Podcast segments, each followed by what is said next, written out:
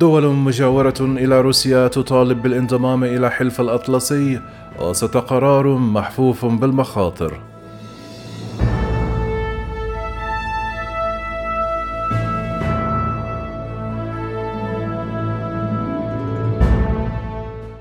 عقب الغزو الروسي على أوكرانيا ظهرت دعوات غربية شمال أطلسية لانضمام دول تجاور روسيا إلى الناتو. وعلى رأسها فنلندا التي باتت على مشارف الانضمام للحلف قبل القمة المرتقبة في العاصمة الأسبانية مدريد في يونيو المقبل.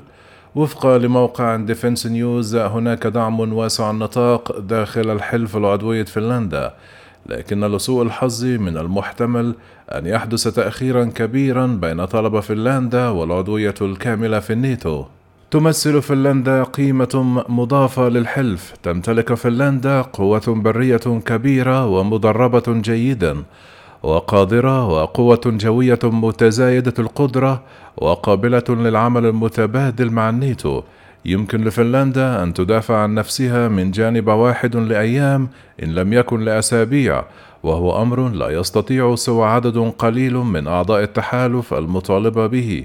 تمتلك فنلندا عقودا من الخبرة في مراقبة الأنشطة الروسية على طول حدودها المشتركة والتي يبلغ طولها 833 ميلا. ومن وجهة نظر الولايات المتحدة يمكن أن تساعد فنلندا في ضمان أمن شمال أوروبا. والسماح للولايات المتحدة بتركيز المزيد من الاهتمام على قضايا الأمن في الصين ومنطقة المحيطين الهندي والهادي. وسيلاحظ المؤيدون أيضا الصلات السياسية والثقافية الواضحة بين فنلندا وأعضاء الناتو ومكانة فنلندا كديمقراطية مؤسسية تحمي الحريات المدنية وتتبع سيادة القانون. قد يجادل المشككون في أن عضوية فنلندا لا تخلو من المخاطر، فقد تؤدي إضافة فنلندا إلى عداء روسيا، حيث أن انضمام فنلندا إلى الناتو من شأنه أن يضاعف الحدود الإجمالية بين الناتو وروسيا. في حالة نشوب نزاع بين فنلندا ستكون خطوط الإمداد الروسية أكثر بكثير من خطوط الناتو.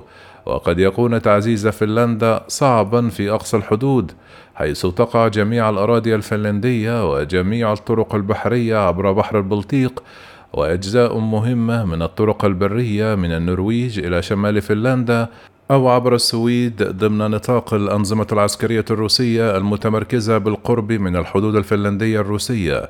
في كالينينغراد وشبه جزيرة كولا وبحر بارنتس وتشمل هذه الأنظمة صواريخ أرض جو وصواريخ مضادة للسفن وصواريخ هجوم أرضي وبعضها ذو قدرة نووية.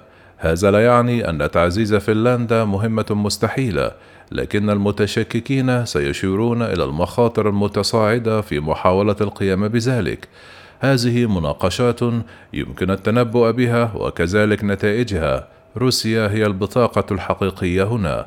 ستبذل روسيا كل ما في وسعها لتضخيم حجج المتشككين في الفترة التي تسبق طلب فنلندا وأثناء مناقشات التصديق على المعاهدة في كل من دول حلف الناتو قد تتعرض فنلندا وأعضاء الناتو لحملات تضليل روسية وهجمات إلكترونية وغيرها من الإجراءات النشطة المزعومة أو المضايقات العسكرية أو حتى هجوم عسكري صريح في تكتيك تخويف صارخ حذر المسؤولون الروس بالفعل من أنهم سوف ينشرون أسلحة نووية في كالينغراد إذا انضمت فنلندا إلى الناتو.